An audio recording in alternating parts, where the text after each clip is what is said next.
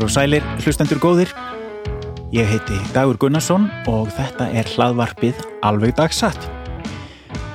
Það eru þættir þar sem ég skiptist á tröllasögum, skemmtisögum og frásögnum af alls konar viðburðum úr þessu undarlega lífi sem við lifum hér á jarðkúlunni.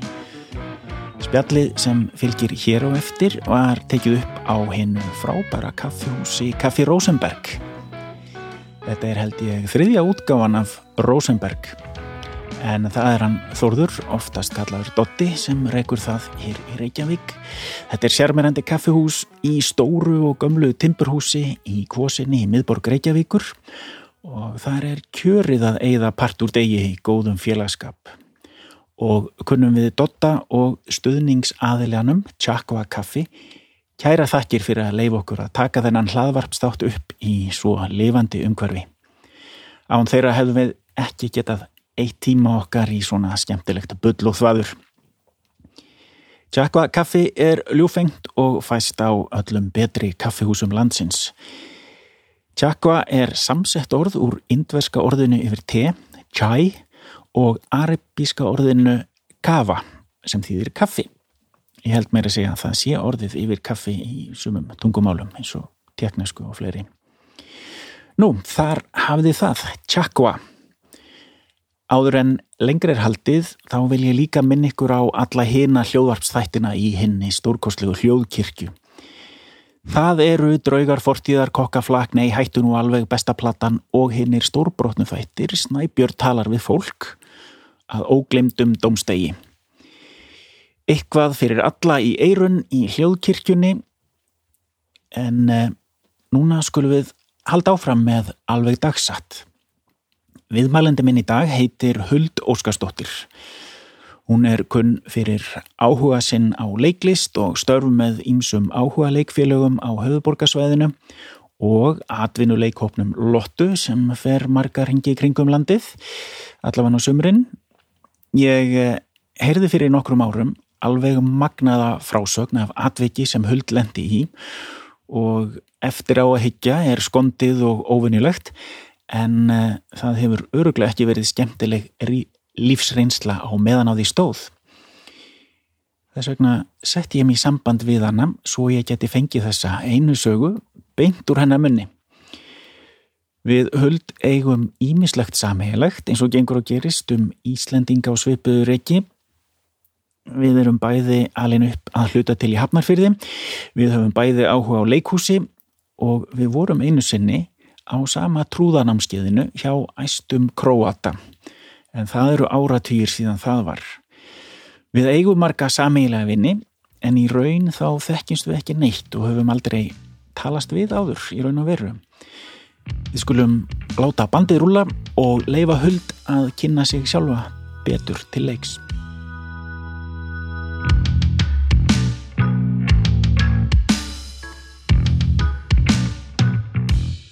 Jæja, hlustendu góðir. Við erum farin að stað. Núna ætlum við að segja sögur, skiptast á sögum. Ég og hún Huld Óskarsdóttir. Sælublesu Huld. Hæ. Segð okkur aðeins hver þú ert og hvað þú gerir. Um, ég er uh, hafyrðingur sem býr endar í Vesturbæri Reykjavíkur og uh, vinn á auglýsingarstofu sem heitir Pipar TPFA og svo hef ég verið líka mikið í leiklist með leikomnum Lottu til dæmis og ýmsum mörgum mörgum áhugalegfélögum og svona einstaka giggum hér og þar óperunni eða einhverju skemmtilegu. Þú ert alveg illa bitin af leikúsbakteríun held ég. Já, svolítið, ég er svona ég held ég sé svona típa sem er náttúrulega klárlega ekki búin að ákvæða hvað ég ætla að vera þegar hann stór að því að alltaf er ég í leikúsinu svo vinn ég alltaf við auglýsingar en svo mentaði mig sem ég fór í bíja í mannfræði.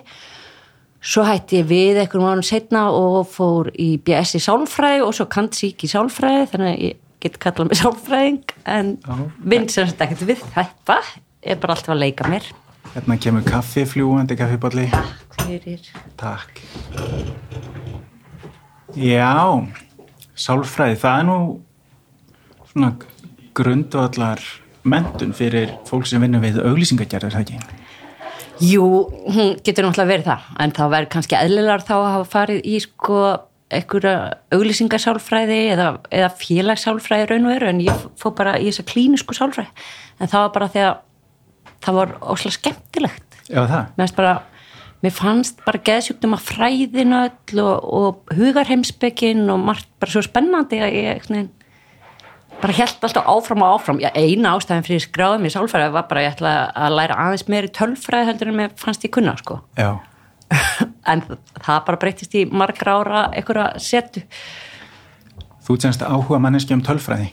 já já, já Ég, bara, og, bara ekki, ég veit bara um eina aðra manneski sem, sem er það. Mm. Það er Jens Stoltenberg sem einsinni var fórsetisrað fyrir Norvegs Já, og er, hérna. er núna aðalritari hjá NATO. vá, Já, ok það er saga þarna sko. það er eitthvað sem ég geti stemt á bara Hann, hann sagði í viðtali að, að sko, hann ætlaði aldrei í stjórnmál já, og hann, uh, hann stamaði þegar hann var lítill og hann var strýtt af því að, að vera þippin drengur og unglingur og svo er hann núna bara þetta glæsi menni sem hann stýrði norsku þjóðinni þegar að uh, þessi hryllilega atbyrður átt sér staði úti já. Og uh, hann sagði bara, já, hann ætlaði bara að verða prófessor í, í hérna tölfræði og, og stjórnmálavísindum einhverjum. Og það er hans draumur þegar hann loksins hættir í, í því að vera diplomat og, og, og svona, það er að- að geta lesið tölfræði fræðibækur. Vá, en skemmtilegt og svo kemur þú bara að segist hérna hafa haft svo mikil áhuga á tölfræði sem er um það bil það sko e- e- erfiðasta og það sem ég hefði trúlegast minnstan áhuga á. Nei, hún er svo skemmtileg, hún segir okkur allt um allt. Já, maður, veist, æ, við erum alltaf bara álíkta um hlutin en tölfræðinum svör þar eru svörin. Já, Hagstofan. Já. En það, það stangast það ekki á við sko þennan uh, þennan uh, tilbúna heim upp á sviði? Mm, Nei, nei, nei, nei. Það er, sko, maður grípur til tölfræðinar í hverju sem er, sko. Við hefum til dæmis mikið áhuga að vita hvernig samsetningin og áhörundum okkar og, og svoleiðis, svo hjálpar þetta allt saman til þegar það þarf að fara að auglýsa eitthvað, við verðum að vita til hverra við erum að ná Já. og við þurfum að kunna á algoritma í misa miðla. Það, Þetta er alveg splungu nýtt sko. Vænt að nota þetta í, í, í vinnuðinni Já, Já, á Pípar er ég sagt, þar er ég með allar fjölmiðlagreiningar og neyslu og lífstílskönnun og, og svona þá gagnagrunna sem okkur bjóðast hér á Íslandi Já. til að greina miðlana, greina uh, hlustendur, lesendur, alla. Já hérna. einhver þarf að gera það. Já, já, Fyrir mér er þetta alveg sko, lokuð bóku grísku og latína öllu rúlað saman í, í eitt mjög ó, ókunnugan heim Já. En sálfræðin, hún, það er, það er furðu mikil tölfræði það er það ekki? Jú, jú, það það er sennilega mesta tölfræðin svona að þú ætlar í mestragráðu sko nema að sé búið upp á sérstaka tölfræði uh, gráðu sem var ekki allan þegar ég var í náminu sko þannig að ég man ekki 5-6 áfangar eða eitthvað svo leiðis tölvert og allskynns tölfræði Já. Já. Þetta er svona til að greina það hvar, hvar hérna hvar maður telst vera venjuleg manneskja og hvenær maður er komin út Já. fyrir þann ramma. Er það ekki svoleiðis? Eh, Jú, að hluta til sko, að, að því að sko mælitækin okkar hérna, þurfa, að það þarf að vera eitthvað vitið mm. Og þá þarftu, þú ert að þátt að greina til dæmis fyrir persónuleika próf og allskinn svona og þetta þarf náttúrulega þú veist, þú beitir álíktunum tölfræði en þú mátt ekki bara beita einhverjum álíktunum um fólk bara út frá engu. En sko mín kenning er eiginlega svo að sálfræðin þarf rosalega mikið að tölfræðin að halda til þess að sanna að hún sé eitthvað betri en einhver hjáfræði eitthvað humbúk, einhverju miðlar eða, eða spákonur eða, eða hvað sem það heitir einhverju svona uh, skottulæknar Já. um, og þá þurfum við að sína fram á að það að þú talir mig það hefur eitthvað að segja umfram það að þú talir við til dæmis bara sýstuðina eða hvað sem er vegna þess að mín meðferðin sjálf verður að vera skil, skil ekkur ekki bara að þú sért að það er svo gott fyrir þig að tala við eitthvað þú veist og ég get svona ímynda mér að gegnum árin hafi bara sálfræðingur þurft svolítið mikið að standa fyrir sínu til að sína fram á að, að þeir séu nú að gera eitthvað af því að það er ekki ábyrjandi, þetta er ekki hérna, skurleikningar eða eitthvað sem er alveg Nei. fysiskt þetta að sjá hvernig er gert að þá þurfa Já, að geta sínt fram á það með öllum mögulegum gögnum að það sem þeir eru að gera sé já. að virka Ég held að fólk hafi nú alveg að það hafi nú alveg tekist sko mm. Á, á þessum hvað, 100, 150 árum? Já, Já, þetta er spennandi. Mm. Heyrðu, já, við erum stödd á Kaffi Rosenberg já, sem er svona samstarfsaðili og, uh, og líka hérna uh, fólki sem selur þeim kaffi, þeir eru samstarfsaðilar. Við erum að prófa þetta. Hvaða kaffi er þetta? þetta er Chakwa. Já, og uh, það er vist alveg rosalega gott. Þetta er fýtt bótli sem er hér. Já. En hérna, mér langaði sko, við þekkjum svona ekki rosalega mikið en, en ég hef séð þau á sviði. Já, Eh, mér langaði að prófa hvort að við getum skipst á sögum þó við þekkjumst ekki mikið. Já, en, en þú nefndir áðan að þú værir haffyrðingur já. Þá verð ég sem brottfluttur haffyrðingur að spyrja sko, hvað, hérna í hvaða barnaskóla varst ég hafna fyrir til dæmis? Ég var í Öldutúnsskóla. Aha, Já, já, ég var í Víðistaðskóla já ég bjó sko á Hjallabrautinni Nó, sem er rétt hjá Víðstæðaskóla já, um, Þanga til ég var svona fimm ára. Númer hvað? 41 í rauðublokkinni ah, í rauðublokkinni, Já. já, já, já, ég átti heima sko númer fjögur Ok, sem er fremsta blokkin upp fyrir Reykjavík. Já, emmitt En frendi minn og frænka þau ólust upp í rauðublokkinni svona framan af sko. Þannig ég fór oft þangað. Já, já, já. Og ég átti líka náttúrulega skólafélaga. Já, og ég var á Víði völlum sem er Já, svona leikskólinn við hliðin á já. Þar, uh, svo flutti ég á Ringbraut Já, og fór í Öldutúnsskóla svo flutti ég Kvammana og bara bjóð þar þang til ég fór að heimann sko já.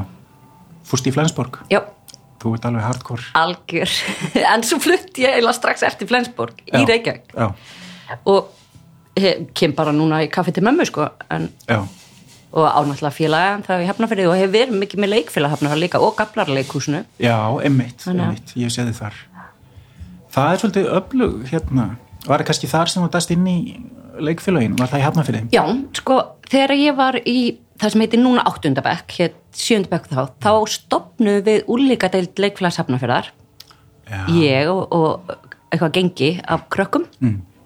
sem var bara fyrir áttunda til tíundabekk og rákum það í einhver ár, einhver tíu ár eða, eða svo, ég fekk náttúrulega bara að vera fyrstu þrjú árin, svo var ég bara útskriðu úr, úr barnaskóla og, og gætt fær bara eldri deildina eins og kvæðluðum það þá, sem var bara leikfélagafnarhörðar Já, og það var ægilega skemmtlegt, það voru við að, hérna, að hafa ráðin leikstjóri svo sáu krakkarnir meir og minnum allt annað. Já, hvort sem hann var að lýsa eða, eða markasetja eða og gera plaggött og búninga og smink og bara allt saman.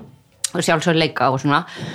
Og uh, sumir af leikstjórunum okkar líka skrifið verkið eiginlega bara upp úr okkur þú veist, það var, var byrja með svona einhver spunasmiðju og, og, og sá, þannig að við áttum svona heilmikið í leikritunum líka ótrúlega gaman og það var alveg kannski alltaf 40 krakkar í einu, einu uppsettingu vá.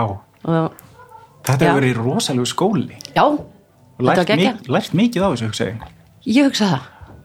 Dagur minn var þannig sko að ég fór skólan, svo fór ég beint á fimmleikaðingu sem var upp í haukahúsi, þú veist, hinum meginn í bænum ekkert labbaði þanga og svo beint inn í leikhús og svo var ég komin heim, svona um miðnætti. Og, og þetta fannst mér bara algjörlega eðlilegt úlinga starf og held bara að þetta hafi fyllt mér svolítið síðan, ég vil hafa nóg að gera. Í þessari þáttaröð sem er tildulega nýfarn að rúla e, þá er það svona svolítil stefna hjá mér samt ekki rosalega ofinber en það er stefna hjá mér að tala fyrst og fremst við konur mm -hmm. bara svona upp á, upp á svona rétta við einhvern halla.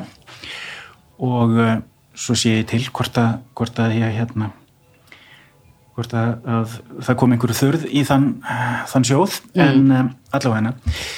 Og, um, og ég var að tala við hann Baldur hljóðkirkjumeistara og hann sagði, já, akkur talar ég hana höld og ég sagði bara strax, já, vegna þess ég hef heyrt eina sögu sem að kom til mín eftir krókaleðum og mákona mín held ég hef einhvern tíma verið að vinna með þér eða kenna þér eða kenna með þér einhver staðar allavega hana mm. hún saði mér svona lauslega af æfintýri sem þú lendir í Kaupanöfn Já. ég hefndi gærna vilja fá þig til að segja mér þá sögu Já. því að þetta er bara efni í bíómynd held ég Já, það, já, já, það hann má gera bíó úr öllu, sko, uh, en ég held að þú sért að vísi það þegar ég eignast barn. Já, Já, bingo, það er náttúrulega bara eins og það gerist, sko, eða þannig. þú átt nokkuð bara Ég, ég á þrjá stelpur. Já, þetta er miðjustelpan mín sem fættist í Kaupmannahöfn og, og, og það var allt vitað, sko. Það var nú margir það leigubílstjóri sem ég hitti sem spurði hvort ég hefði vitað að ég væri ólétt. Og, og það var, ég vissi það alveg ég var komin 41 viku sko. Og þetta var 28. desember. E, og ég hafði nú, ég var svona að vonast til að hún færi að koma. Þannig að það var nú svona eitthvað búið að reyfa við belgnum og eitthvað svona verið svona að undirbúta þegar með eldstu stelpunum mína þá hafði þá gekk ekki nefn ekkert, þá kom aldrei neinn útvíkun eða neitt þau að bara beita livjum til að láta hana fæðast. Þannig að ég ætlaði sannarlega ekki að lendi því aftur, þannig að ég um, er þarna eitthvað bara með mannir mínum og uh, þá fjóra ára stelpun okkar á kollegi í búinu, Öresunds kolleginu í Köpenhán og uh, er svona spá í hvort ég mögulega sé að finna fyrir því að bann sé að fara að koma. Og vinkunum er hingið sem býr blokkinu við hliðina og, og segir vilt ekki koma? Með stelpuna bara hinga ef, að, ef að þetta hefur eitthvað virkar hefur við belgnum og ég hérna alveg neyninu, það, það er alveg búið. Ég, það er ekkert að fara að gerast. Hvað þýðir það að reyfa við belgin? Æ þá uh, er, Er- ljósmóðurinn beitir einhverjum brögðum. Er þetta að tala um líkna belgin?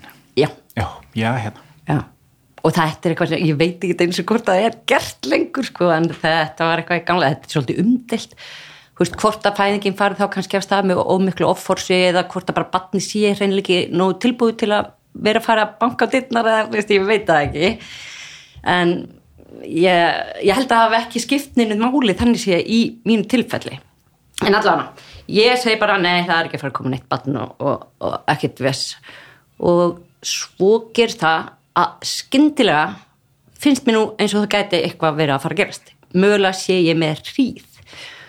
Og það hljóma náttúrulega eins og þessi hálfviti sko, því að þarna hafði ég eignast barna áður, en það var bara eitthvað svo allt er þessi, allt inn í einhvern spítala aðstæðum og alltaf verið að segja manni sko að það fari nú ekkit á milli mála þegar. Og það fór bara sannarlega alltaf fram hjá mér, ég bara kunni ekki á þetta, hvaða hérna sársöki þetta væri og bara skildi ekki og síðan bara segja við mannum minn, heyrðu, jú, rjúktu með stelpuna yfir í næstu blokk og ég, ég held að við séum bara að upp á spítala. Og hann eitthvað, já, og svona, já, já, ástu mín. Eitthvað náðu eitthvað tösku og ég bara er, ertu ekki að grínast? Ætlar ekki að fara með hann þú veist, að þarna var ég búin að taka eitthvað ákvörðun og það átti alltaf að gerast á 0-1 en það tók kannski svona tvær myndur ég fer á klósti og ringi í spítalan og læt vita að uh, ég sé að fara að fæða bad og er voru svona skemmtilegar eitthvað, eitthvað, na, altså jeg kan godt høre, det skal ikke noget eitthvað. og ég var bara, þarna var ég bara alveg viss um að ég væri að fara að eiga bad og ég segi, heyrðu, ég, ég ætla bara að koma núna, það er hálftíma akstur á sjúkrahúsi og hún segir hérna, já, ég byrja ég ætla köpum mig kennitöluna þeina og ég gef hana. Og þá segir hún já, heyrðu, það er kannski bara betra fyrir þig að þú komir. Og þá var það út af því að það var sérst skráð einhverju erfileikar með fyrstu fæðingunum mér og þá, hérna eh, ringi ég bara strax á leigubíl, maður minn ennþá í næstu blokku hliðin á. Og ég man að þau sögðu að hann kemur eftir sex mínútur. Ég bara fer í skóna og niður í liftu og ma hitti manni minn á ganginum og hann kemur með mér í liftinu og í liftinu þá byrja, þarf ég svona að fara að halda mér í og krossleggja fætur. Að ég fann bara að þetta barn var að fara að fæðast. Og svo förum við bara út fyrir utan blokkina og það er svona blómakir eitthvað og ég, ég svona reyna að setjast á það það er strax að standa upp aftur að því þurfti svo mikið að einbytira með að ég verð með krosslega fætur. Og spenna, ég var mjög ánað með bara hvað ég var með góða maður og allt sko að ég þurfti virkilega að hafa fyrir þessu. Leigubillin rennir hlað og ég svona, mann ég opna hörðina svo þurfti ég að halda svona í þakkið og, og hérna sérst krossleggja og svona skalvaði svona og þetta var að fara að gerast að á, þú veist, 30 sekundar fresti eða eitthvað. Og ok, þarna var ég farin að tengja að mögulega væri að fara að eiga bann uh, svo fer ég svona inn í leigubilin ég næ ekki að setjast í leigubilin að þá hugsa ég bara, ok, huld, nú ert þú búin að kúki í þig. Það, þetta er ekkert eðlilegt. En einhvern veginn hafandi hirt það mögulega hafi einhverju konu fundist það áður þá er svona ok að fara svona gætilega með höndina neður í buksunar fram að verða og finn bara höfuð Jésús minn.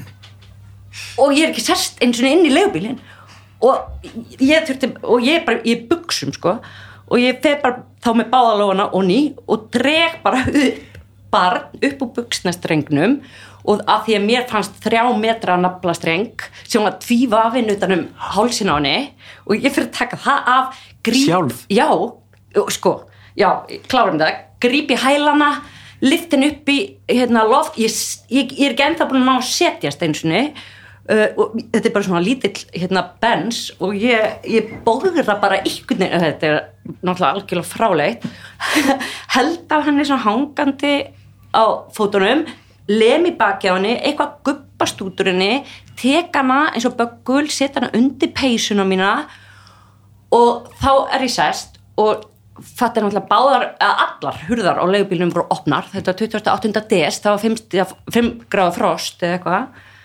leigubílstjórin ég garga hann, hérna ringdi sjúkrabíl eða með þess að sagði ringdi 112 og hann sagði hvað er númerið 112 sagði ég. Og maðurinn minn, ég segi við hann ringdi í vinkun okkar sem er hjúkunáfræðingur og bjó í næstu blokk önnur en batni okkar var hjá en það voru svo mikið að vinum okkar hérna.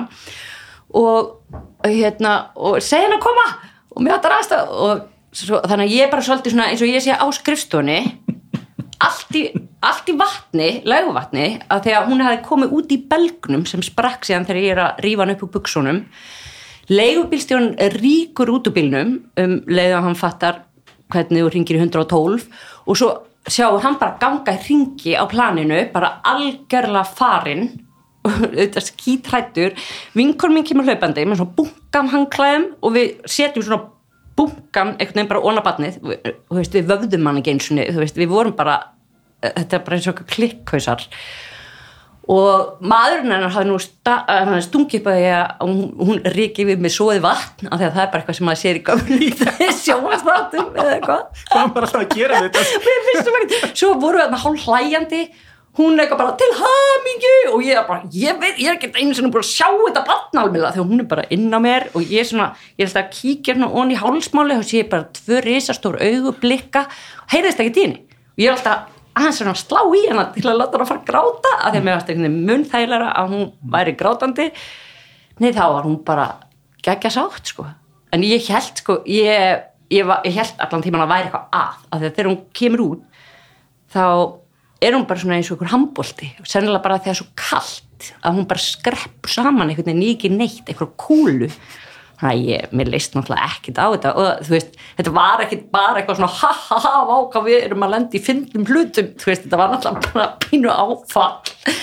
En það leiðir náttúrulega mjög stuttu tímið þángar til að við hlóum bara þessu. Og síðan kemur sjúkrabíl og það er það svona svo kallar legaambulans sem var eitthvað tilraun í kaupmannöfna á þessu tíma að það væri alltaf læknir á uh, sjúkrabílastöðinu og það vildi til að hún var næst á húsi okkur.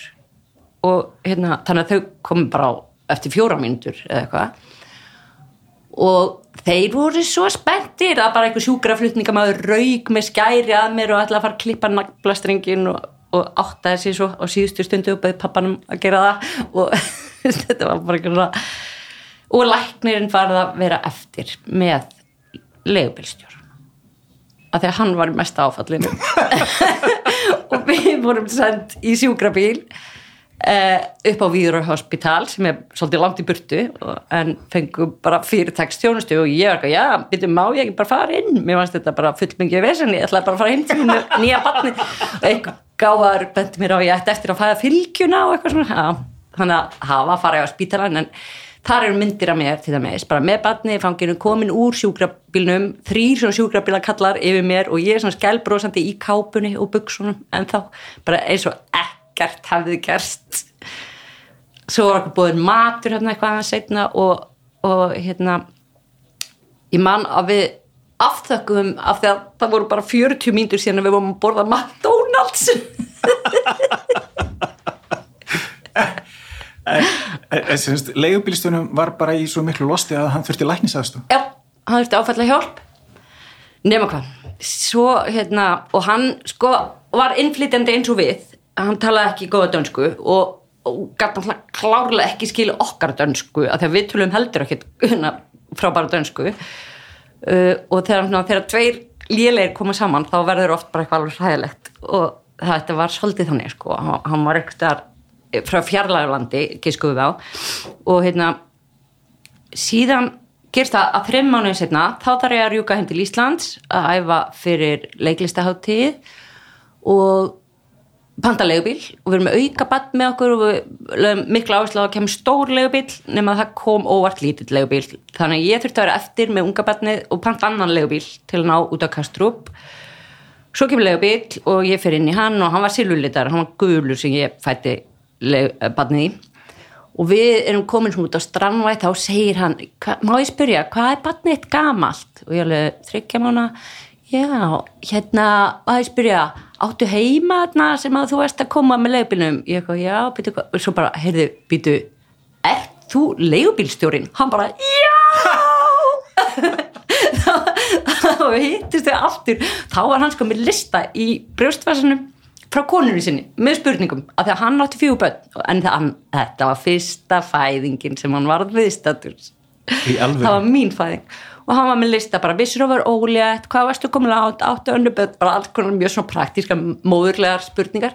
Heyri, þá var hann frá Afganistan og engin annar kall úr moskunar hans bara hafði nokkuð tíman verið eh, viðstættu fæðingu og hann var bara næst í orðin einhver hétja og hann var alveg, já ég var nú betur en engin ég, ég var ekki alveg vissum hann var bara í áfalli.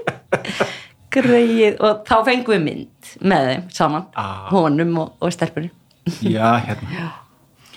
en hérna uh, sko var, var voru ekkit verkir, var þetta ekkit sárt? Var, eða var, var, Jú, var þetta bara... skrítið um hverju hann, hann, svo er hitt, já, já. að þú sagðir þú fættir í gulum bílinn sem kom hann og hann hefur náttúrulega þurft að skipta um bíl eftir allt. Nei, sko, hann var svona hann, hann reyndar kom ég hitt hann bara ekki þá, eitthvað daginn eftir fæðinguna til að rukka fyrir alþrif á bílnum sem var 500 kall. Og hann var alveg miður sín yfir að þurfa að gera það en að því að frændans átti bílinn þá var þann að gera það fyrir frænda sín og, og eitthvað svona þannig að hann var svona, þetta var svona hlaupastrákur þú veist, hann átti ekkit bílana en var bara fengin inn á, þú veist.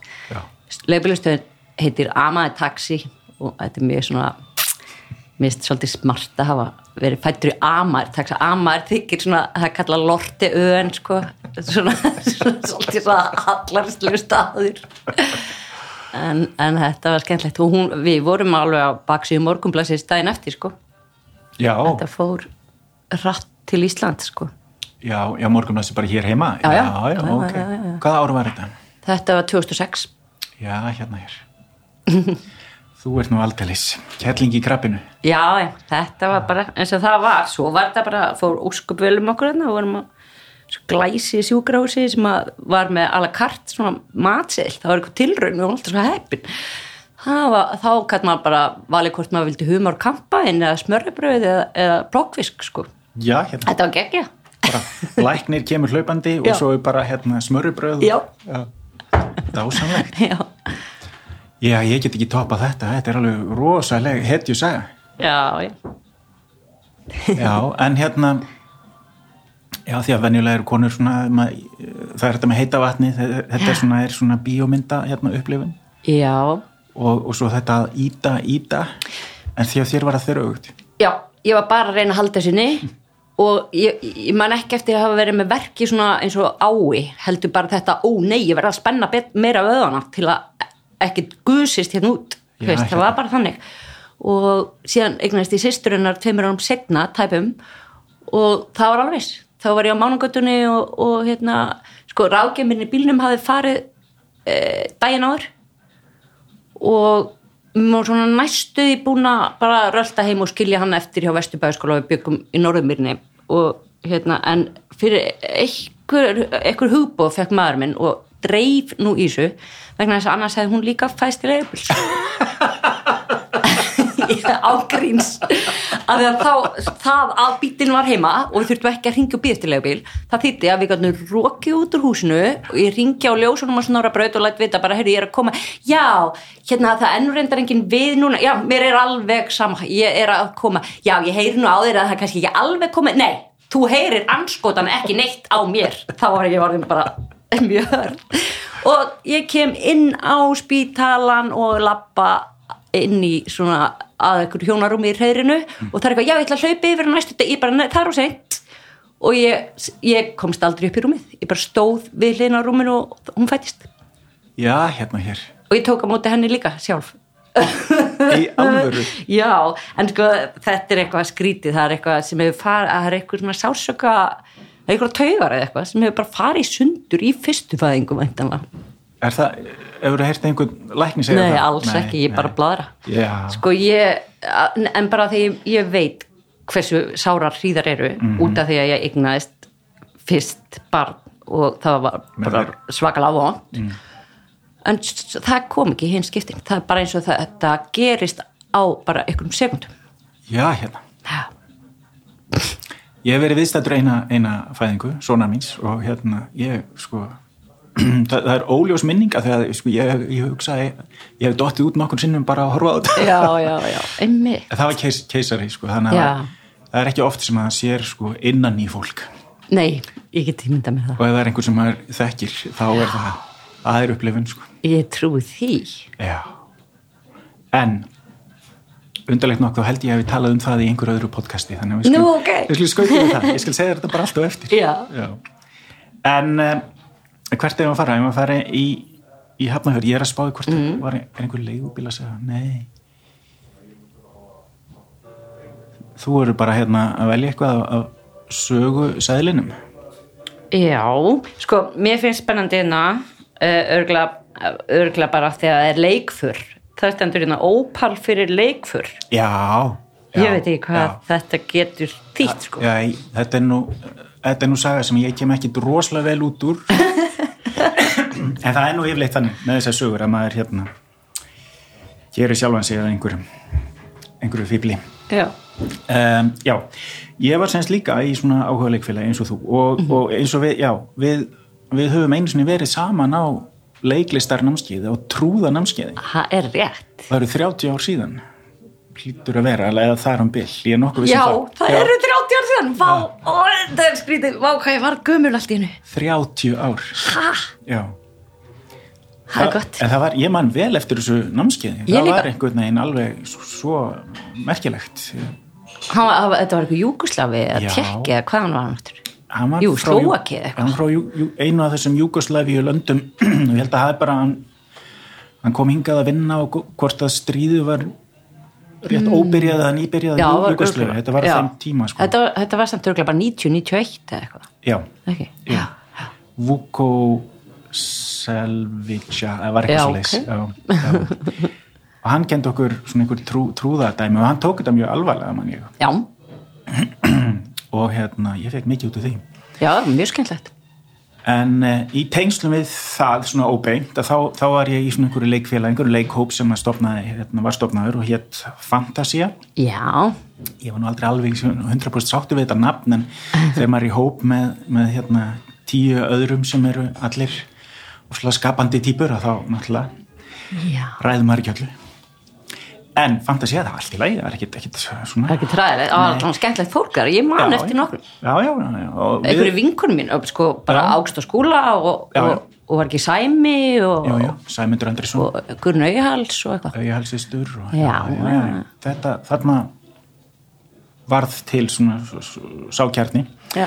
Og, uh, og við vorum áhuga leikfélags skráð og, og til þess að geta fengið styrk frá mentamálaráðnættinu held ég og, og bandalagi íslenska leikfélaga og, og þannig að við fengum það og settum upp síningu sem við byggum til sjálf, svona spunaverk sko með leikstjórunum og þetta var valið svona íslenska áhuga leiksýningin það árið og við vorum sendt út til Svíþjóðar á svona samnorranna hátíð. Já. Svi, hjá svona svip, þessum svipaðir svipaðir týpur hittust. Og, uh, og þar hittu við mann frá Íslandi. Og Ísland var ennþá hlut af Sovjetríkjónum en það var allt svolítið að losna, þetta var 1990 mm. og, og hérna 89 fjall múrin í Berlín. Og, og svona á, þá fóruð allt svolítið að gliðna þessi Sovjetríki og uh, 91 í januar þá, þá lístu eistar yfir sjálfstæði. En þetta var sérst árin áður Já. og þessi maður einhvern veginn að því að þetta var allt svolítið svona gliðna og þá var hann allt í innu komið til Skandinavi og hann vola spenntu fyrir því að fá koma til Svíþjóðar. Hann annars bara farið til annara sovjetlanda og, og þegar hann sá síningun okkar þá var hann alveg hillaður vegna þess að hún var hún var ekki, hérna, stuttist ekki við texta. Það voru ekki, það voru bara hljóð og tónlist og reyfingar og, og, og honum hann sá eitthvað í þessari síningu sem það sem einhverja frelsist frá einhver skilabóð sem hann las út úr þessu. Sem var bara akkurat það sem vorum að spá þannig að, að, að fólk geti lesið sí- sín, sín skilabóð út úr þessu. Og hann bauð okkur að koma strax bara á leiklistarháttíðina sem að ég veit Ágústa Skúladóttir hefur farið með marga leikhópa á síðan í uh, Litáin Já. Þannig að við fórum að heimsóttum hann og hans leikhóp í Íslandi og síndum þar og svo fórum við til, til uh, Lettlands og Litáin og, og Finnlands líka. Og þetta var svaka för og við vorum með rosalega mikið að dóti og þetta þurfti að skipulegja og um, ég ringdi í Opal vegna þess að við notuðum Opal pakka sem svona hljóðfæri, svona hristur mm. Á einhverjum tímapunkti í síningunni voru þessir leikarar, voru nýju leikarar og á einhverjum sam, eða fyrirfram ákveðnum tímapunkti þá tók allir upp Opal og byrjaði að rista í takt við tónlistina svo fengu okkur einn Opal eða tvö og svo gáum við áhorfendum og, og þetta var aldrei eitt mál maður bara passa upp á það að maður ætti Opal í, í búningnum Já. en núna vorum við að fara einhvern veginn til útlanda og, og þar var ekki tægt að hlaupa út í sjoppu og kaupa Opal og, og þannig ég ringdi bara í Opal og sagði hérna má ég tala við fórstjóran og það var bara já, góðan dag. Sæl, herra fórstjóri ég þekki ekki neitt en ég er að gera þetta og þetta og, Já. og hérna, já, já, já, já. Og er þið til að styrkja okkur bara með smá nokkrum Opal pökkum, sko? Já, já, hvað þarftu mikið, ég veit ekki bara ég veit ekki hvernig þetta er einhver karton eða kassar eða hvað bara við þurfum svona cirka, ég veit það ekki 60 Opal pakka ekkert mál, herru, þú getur bara sótt þetta á lagerinn.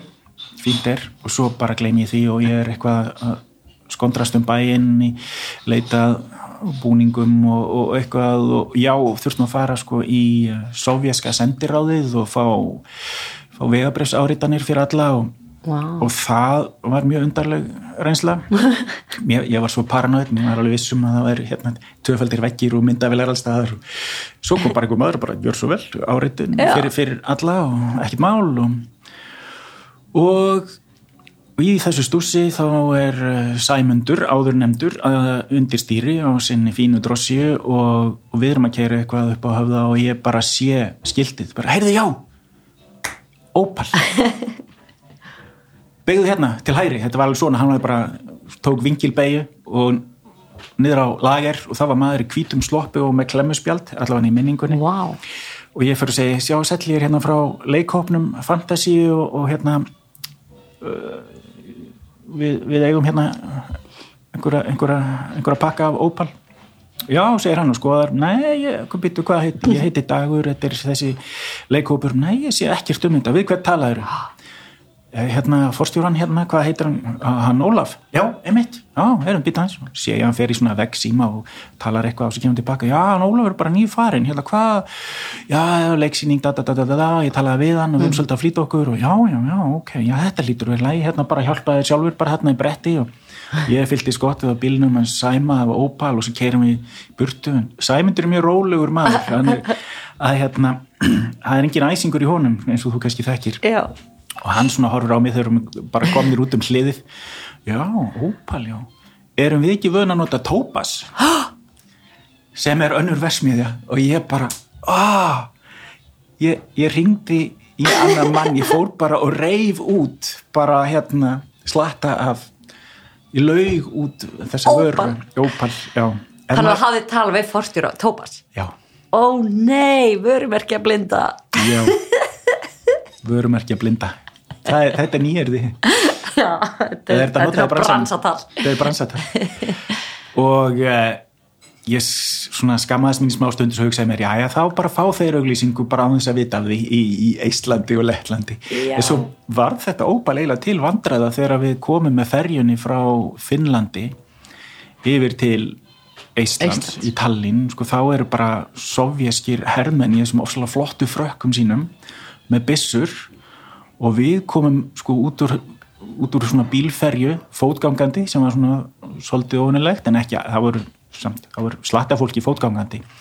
En við komum út sko þar sem bílarnir aga af því að sýningin okkar hétt Vagnadans. Já, hún með innkaupakerrum. Og hún var með innkaupakerrur og innkaupakerrurnar þær voru ekkert til í Íslandi, þeir, var, þeir voru bara ekkert með þetta supermarkað system Já, og það, ég fór reyndar inn í ein, ein, svona eina stór vöru verslun, hún var ekki mjög stór og það voru bara svona handheldar kurfur það var ekkert svona dót á hjólum það var bara ekkert í bóði, það var bara vestrænt uppfinning, vestræn uppfinning.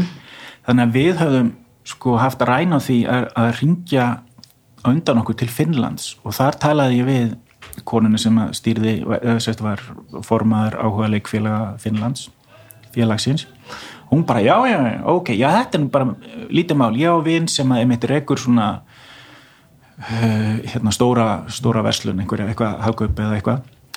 Og uh, þannig að ég verð bara með hérna tíu kæri til, tilbúna fyrir ykkur þegar ég komið, svo komum Vá. við á föstudags eftirmiddegi og, og við ætlum að taka ferjuna morgunin eftir. Já. Hún bara, tara!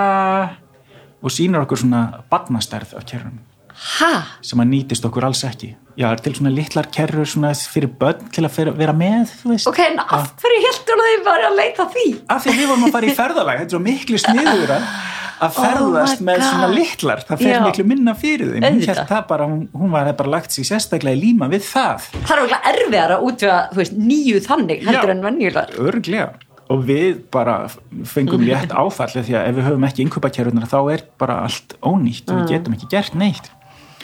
Þannig að hún bara, já þetta er ekkit mál við bara rettum þessu og bara strax hérna áttum morgunin lögutarsmorgun daginn eftir.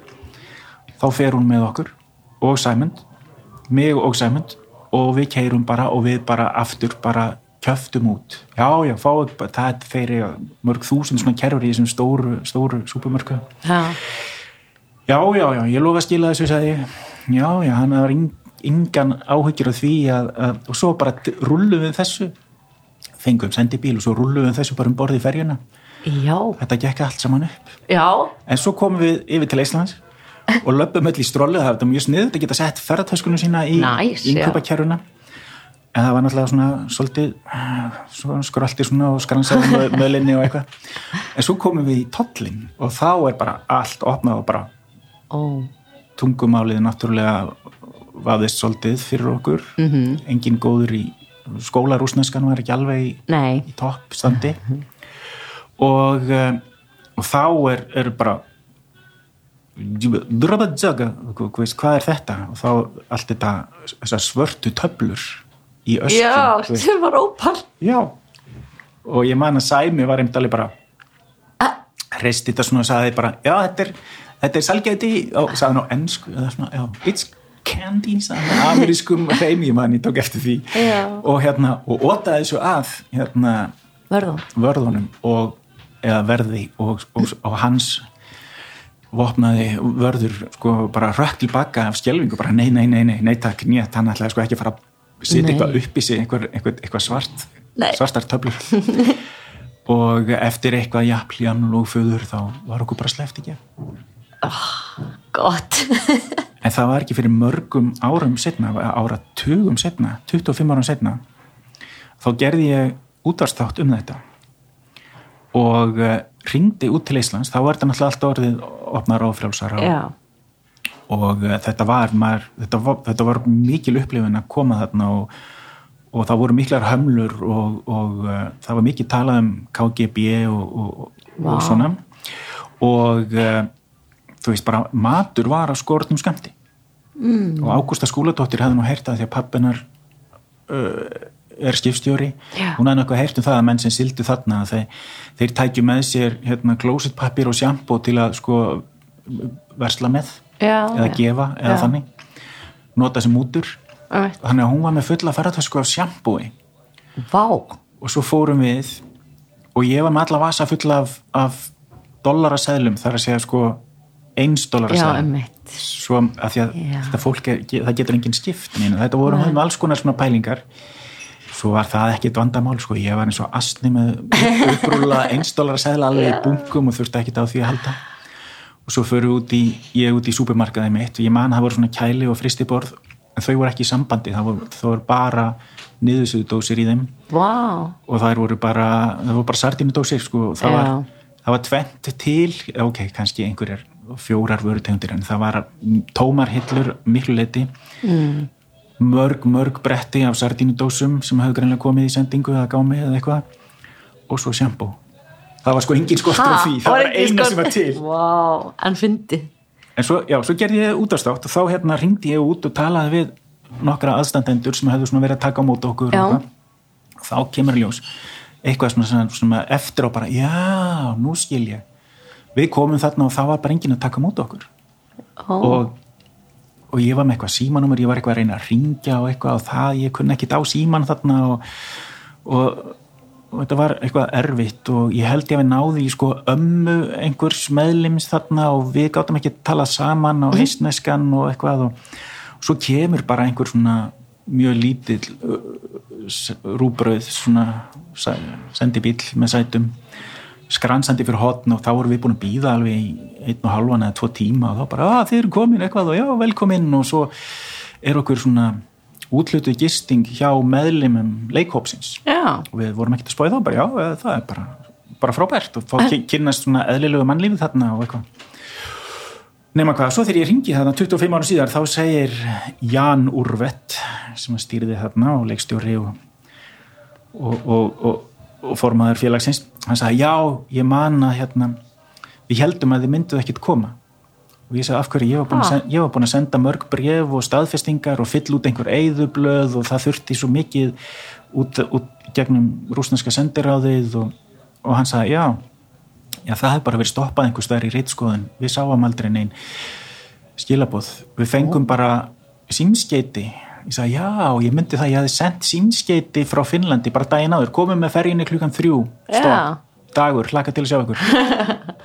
Það var, þá bara fóru þau í panik að redda gistingu fyrir okkur og, og, og bara redda öllu. Já, og, og hann sagði já, sko okkur hafði verið sagt af, af, af KGB að þessi leikhópur sem að staði til að kemi að þau, uh, þau mætti alveg koma en þau yrðu að vera á Hotel Víru sem er bara eina hótelið sem er svona risastór turblokk þarna. Uh, og, og, uh, og þau bara já ok, ef það er kerfið þá er það bara þannig. En svo komum við ekkert og þannig að þá var bara afpantað að Hotel Víru og svo, svo komum við allt inn og þá, Wow. þá var ekki tægt að koma okkur eða það var enginn að spá í það að setja okkur á hótelið en á þessu Hotel Víru í dag er sko uh, hérna á einna hæðinni er sapn, hérna svona njósnasapn, KGB njósnasapn því að uh, Sovjetmenn byggðu þetta hótel.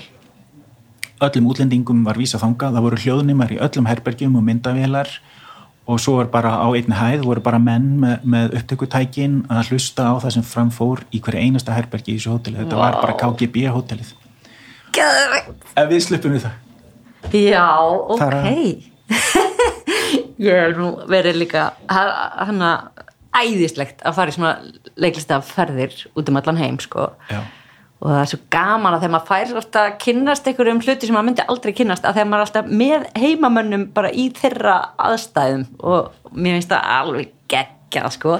En maður hefur náttúrulega kynst ímsu 2003 fór við með til Litáin og þá vorum við á þú veist, einhverjum endurhæfinga spítala veist, það var bara fólk á neðri hæðinni sem var bara með svona hækjur svona sem er undir hendinni og vantar kannski báða fótlegin á og við síðan á efri hæðinni það var bara búið að rýma þannig að þessi hópur gæti nú verið þarna. Þetta er mjög sérstakar aðstæður.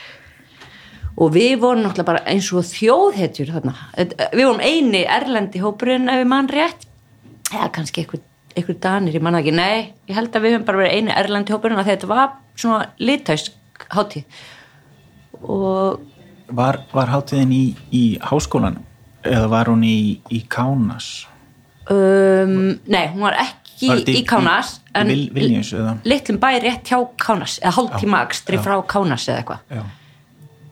Ég man alltaf ekki neitt sko þannig ég veit ekki, man ekki hvað hann heitir. Hætti samt að koma. Það var, var fjólblátt ljós við barinn eða þar segja við vorum með svona um, mötuneyti í hádeginu bara svona veitingastafur, það var alveg fjólblá lýsingar inni, bara svona eins og er á klósettinu til að koma vekk fyrir að geta nota eitilif þannig lýsing var alltaf, þetta var mjög svona sérstakt, en við vorum að leika sko bara í mjög flottum leikúsum sko. En það var, ein, það var ekki gistiheimili í bænum, þetta, hann var það lítill. Já. og það var mjög forutnilegt en okkur að tekja eins og þjóðhetjum sko, af því að þetta er 2003 og þau bara, það myndi sko allir eftir Jóni Baldvinni og, og, og það af góðu. Og hérna þau veist, og bara Ísland, Ísland og svo var okkur bara bóðið í grunnskólan og þau voru búin að gera verkefni allir krakknum voru búin að gera verkefni um Ísland og hengja Íslandskort upp sem þau hefðu gert sjálf og þau vissum sumt um Ísland sem við vissum ekkert um sko. Þannig að við stígumast okkur og kenduðum íslenska glímu svona leikhús útgánaðni pantyhose and the leather belt of course. Manni, við vorum að reyna að útskýra fyrir þeim eitthvað á íslenskur menningu. Þetta var mjög mikið æfintýri og allar sér hátír maður er náttúrulega búin að, fara við það ég fór náttúrulega með þessa, þessa sem fættist í legubilum uh, hún var sex mánuða þegar hún var rifin með til kóru, suðu kóru Já, hérna. og það var eins og ég væri að ferðast með bílana til Suðu Kóru að því að aðtiklinn sem hvíta unga batnið með risastóru bláu augun fekk var, hún var ekki eðlileg sko.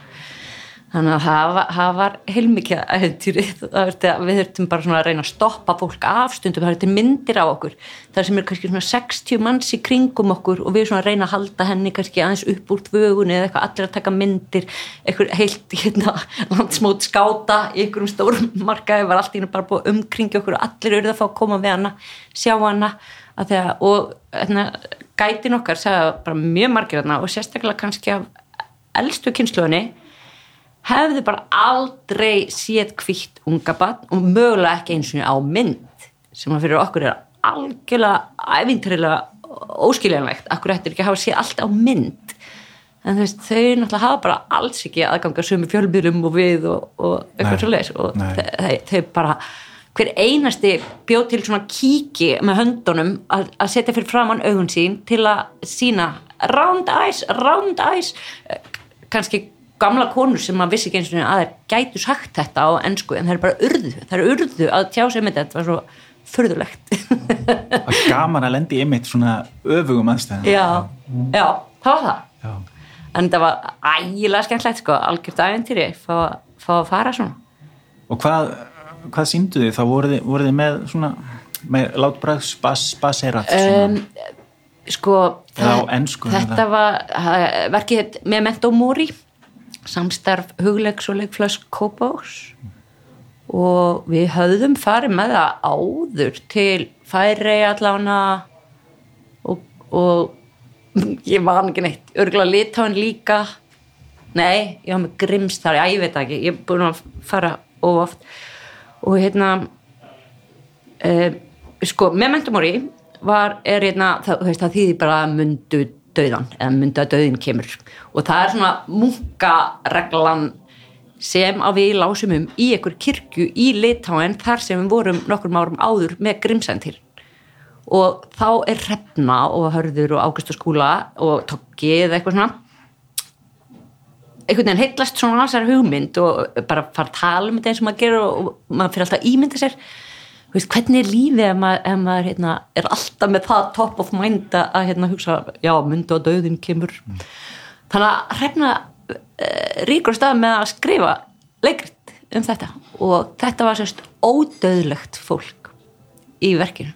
Ég var lítið stelpa sem gæti ekki dá, ég var búin að lifa í þúsundur ára. En ég var kannski samt bara sex ára. Eða yngri. Mm. og, og, og svo er þetta mismunandi personar og við fættum stöld á mismunandi tímum í mannkynnsugunni og erum bara búin að finna hvort annað þegar við hérna gætum ekki dáið. Og þetta voru að sína í leittóin nei hérna í söðu kóru og víðar sko. Og allstað tekja alveg glimrandi vel. Nema í kóru held ég að þau hafa ekki skilið neitt hvað við vorum að fara. Nei. þau voru bara já já Nei. hvaða fýblagangur þetta ég, veit ekki það var allavega einhvern veginn aðeins öruvísi móttökur þar en það var það reyndar ekki bara okkar síningu bara, þau bara haga sér öruvísi í leikúsi Já, hvernig þá? Um, já, sko þau voru kannski að bjóða okkur upp á hérna, einhvers konar bara dansverk sem allt í nýri síðan fer fólk að skilmast í eða, eða þú veist og var ekkert svona eitthvað meðvita dansverk heldur bara þau voru svona, það var allt svo mikið hopp og hí og hérna allir með húlarring eða en í sko eitthvað svona þjóðbúningum eða eitthvað, þau voru ekki að fýblast þetta var bara há alvorlegt Kanski einhver svona staðilegir karakterar sem er Gæti verið sko, ég er náttúrulega var bara lúði með unga batn og hafði ekki tíma til að lesa mér eitt til sko. En, uh, um, en þetta var alltjóðlega hátíð og fólk frá öllum heimsotnum sko. Mm. já já, alveg Skandinavíu, Rúslandi, Suður-Amerika Afríku, bara allstað frá. Sem mjög eftirminnlegt e, brúðleikur frá Myanmar til dæmis. Það, það var mjög sérstakt það var, það var ég hafði aldrei séð svona konurnar voru, þannig að hárið er snert í jörðina. Það var svo sítt. Já, hérna. Mjög sérstakt. Og svo byrjuðum með brúðleikus og við vorum svona spennt þetta var mann og hest og svo byrja bara ekkur sá alfurðulegasti flækjudans sem ég hef nokkur sinni séð. Ég, ég get ekki trúa að þetta fólk hafi ekkert til að áður stýrt brúðum, bara alls ekki. Já, þú bara fyrsta, hérna, fyrsta sinni sem það er snerti brúður. Ég held það, og sko ég, ég hlóð svo mikið að ég held ég hafi pissið í mig, sko að því að þetta var eins og verið í húsbræðarskets og ég var ekki að hlæga af fólkinu, ég, máli var að ég, ég held í alvöru að þau hafi bara, þetta var bara þegar það voru mikil sko átök að brjótast út og Burma nafni var að hverfa og Myanmar kom í staðin og svo framvegis. Og ég held sko í alvöru að þau hafi bara reynað að bjarga lífið sinu með því að komast út úr landinu já, þú veist, já. þau voru ekkert að spá þess að leiklist á því þú veist, Nei. það voru við fýblinn sem að voru bara að, ah, en, en skemmtilegt þetta verður eitthvað gegja og hérna, þau voru bara na, til að fá breyk, held ég Þetta er önnur bíómynd held ég. Já, það, Flót, það er marga bíómynd Flóttinn með, með, með brúðuleikus Já, já. Já, hérna er. Ég sé það alveg fyrir mér. Já. Já, það er gaman að þessu með leiklistina og svona hvernig hvernig þetta er svolítið sammannlegt uh, svona í þau skipti sem ég hef farið í hérna fyrir Já. 30 árum þetta, þetta var allt svolítið svipað fólk. Já sama hvort það var frá Spáni, Tyrklandi eða, eða, eða Norður Finnlandi þá fannst mér svona, svona einhvern veginn svona sami neist í sama hugsun af fólk, fólk sem hefur áhuga á leiklist Já. svona sem hobby. Það er mikið til því sko. Við hefum kynst fólki mjög víða að og, og það hefur við hefum náða eignast bara töðlört góða svona vini þar segja sem að maður þekkir í einhver tíma og maður marga Facebook vini og svona. Já frá bara hennum ymsu löndum og, og sem er fólk sem mann finnst vera alveg eins og maður sjálfur. En það er auðvitað, þetta er aðeins misminandi, veist okkur, okkur finnst rosa auðvilt að tengjast til dæmis litánum og færeingunum og finnum og náttúrulega ymsum frá bara Noreg og Svíþjóð og, og, og Rústlandi en svo þetta er samt aðeins mjög mjöndi Já, það sunnar dregur. Já, Já. bæði já eða, og ég held að snúist í öllum tilfellum um einhvern veginn húmórin og, og þú veist, hvort þú tekir sjálfa þig alvarlega. Við höfum alveg kynst fólki sem tekur sjálfa sig mjög alvarlega og þá er einhvern veginn erfitt að brjóta einhvern nýs. Ég held að sé bara það, þú veist. Er bara, það er bara menningamunur sko. Já. en en þetta er ótrúlega skemmtilegt. Og klikkar aðstæðar oft síðan þegar við vorum í Tjekklandi fyrir tveimur árum þá var gististarinn okkur kallaður Hotel Helvíti að að það var bara eitthvað háskóladorm sem var rýmt þannig að við getum verið aðna og sko það voru geitungar í herbyggjum sem voru þannig að ég fekk kvíðakast að því ég held að það var fuggl, ég er með fugglafóbíu og ég held að það var fuggl að því að, nei ég minna þeir, þeir voru bara eins og skóaþröstur sko. tegja þaumalputt og vísifingur eins langt Já. og þeir komast hvort frá öðrum Já. þetta voru þetta voru svona 12-15 cm lang kvikindi og þetta er inni í herbyggjum okkar og þetta var allt svo ræðilegt þetta er martröð. Þetta var martröð en geggjur hátíð og, og skemmtlegt fólk og allt skiluru en maður bara, maður er bara vittlur og ósildur og, og, og þú veist, maður heldur alltaf þegar maður sér fyrir já ég er þetta í Tjekkland ú, bara ég ætlaði þessu sandulum í Prag. Svo er það alls ekki tannig, bara nei þú ert að fara á Króksfjörðarnes eða skilur þú ert að keira svo langt í burtu og svo er þetta bara smábær og þau eigi eins og gistiheimili og þetta er bara svona og svona og maður verður náttúrulega bara að lifa eftir aðstöðunum Já, en það er það sem er svo skemmtilegt. Já. Já, en já, ég skil hvað minnar, ævintýri. Já. Ég veit hvernig maður segir helvíti á teknísku Já, hvernig það? Pekla Pagla, ok. Svolítið sko, hljómar eins og finska Þetta hér nefnilega eitthvað, það vantaði eitt staf eða eitthvað í það að þetta héti helviti Ég skil. Það, það var eitthvað þannig, það var eitthvað stafavíksl þannig að þetta var svona hið augljósesta nafn sko, en við skemmtum okkur að sjálfsögum mjög vel hana. Það var einhver, einhver krá sem ég fór og ég held hún að vera heitað kjallari djöfulsins eða eitthvað slags og var kallar og svo stóðu skiltinu Pekla. Pekla, já, já. góð orð Já, já, ég held að við séum bara komin á enda stöðu, við þurfum að fá okkur meira tjakva kaffi og, og hérna og þessi bara komið tím til að hvaðja hlustendur. Já. Þakkaði kella fyrir spjallið. Takk að þér. Gaman að kynast þér. Já, takk sem leiðis, rifi upp gömul kynni. Já, lifi hafnafjörður. Já. Herli stjerði, það finnst nú ekki betra, betri gardur sko. Hann geggar. Já, ég veit það. Ég hef farið víða eh, í garda í Evrópu og það slæðir engin helliskerið við. Nei, hann er, hann er svo lítill og krútlegur og, og óskaplega tilbúin en náttúrulega lottutúni mitt í, í hérna, elladalunum er líka miklu upp á aldi. Já, lotta sko. Við glemtum að tala um lottu, það já. er náttúrulega stórt æfintýri. Já, já, já. Er, þar ferðust við innanland sko. Já. Talandum áhugaleikhúsi, það er allt sem hann einhvern veginn út í heimi, já. en svo fyrir við bara hérna ringa eftir ringa eftir ringa og það er svo krussi yfir landið, þú veist. Já, þegar við náðum einhvern veginn. Á lottu sumrum. Talandum markaðsvitund, sko, þið eruð bara hérna barna leikhópurinn sem fer ringin kringu landi, það er engin annar sem gerir það. Nei, allavega ekki, ekki í þessu magni, sko, það er alveg þjólikúsið og fleiri hafa verið að fara kannski tvei leikarar á nokkra staði á landinu og eitthvað svona. Já. en Lottan hefur í fyrsta lagi þessi sumar sérsta að vera út undir berum himni. Og svo bara þessi elja þau eru náttúrulega algjör snillingar sem stopnuð þetta fyrirbæri og, og hafa haldið í úti. Hérna, og bara e, þetta er, þetta er alveg ákvörðun að halda áfram alltaf og bara heimsækja alla bæi og það sé aldrei meir en eitt klukkutími fyrir neina barnafjölskyldi bara landinu til að komast á lottusýningu. Það er rosalegt. Já. En hefur ekki uh, veðrið stundum verið skröldlegt? Jú, jú, auðvitað. Meina, við uh, höfum oft þurft að flýja í Íþróttahús bara með síningar að því að það bara snar vittlust. Já. Uh, vindurinn er verstur, við höfum sko bara hérna verið með elsku áhöröndur bara rennandi blöyta fyrir fram á okkur grefandi rikningu en það er alltaf lægilega svo lengi sem það er ekki rosalega dróka, þegar það kemur rók þá er bara svo mikil hætta, þá getur bara í fyrsta lægi þetta hljóðu bara út, það bara heyrst ekki í mækonum nema vindur. Og svo getur líka bara leikmynd fókið og, og bara svona, bara getur hættulegt. Þannig að það er allir varin háður á þessu, farið þá bara inn frekar, alltaf búið að kanna sko. Ef að vera vantur en að halda þessi eitthvað íþróttu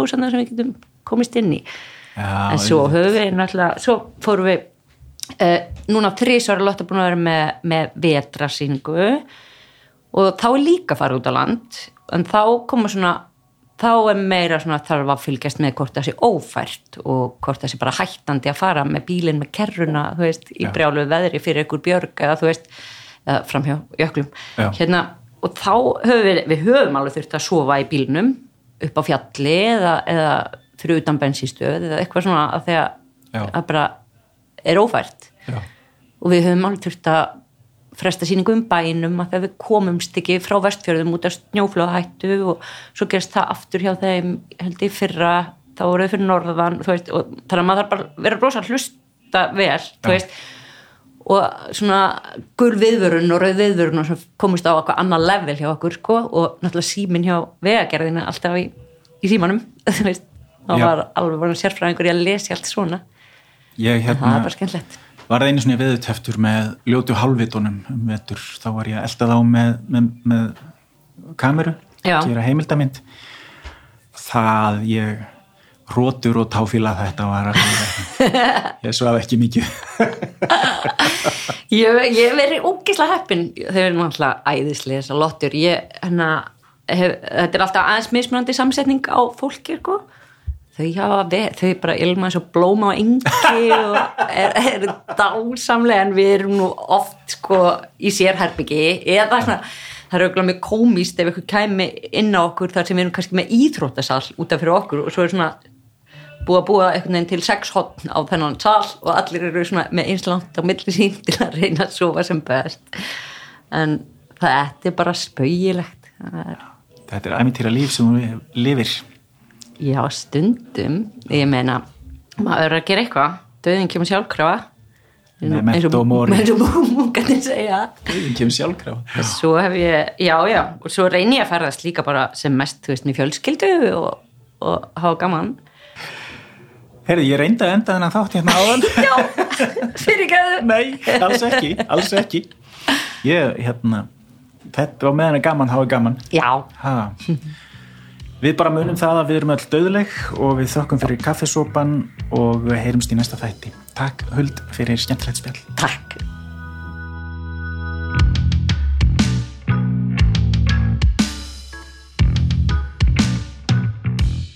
Þetta var hún Huld Óskarsdóttir og hennar sögur af fæðingu í leigubíl í Kaupmannahöfn og leiklistartengdum ævintýrum sem hún hefur lendi.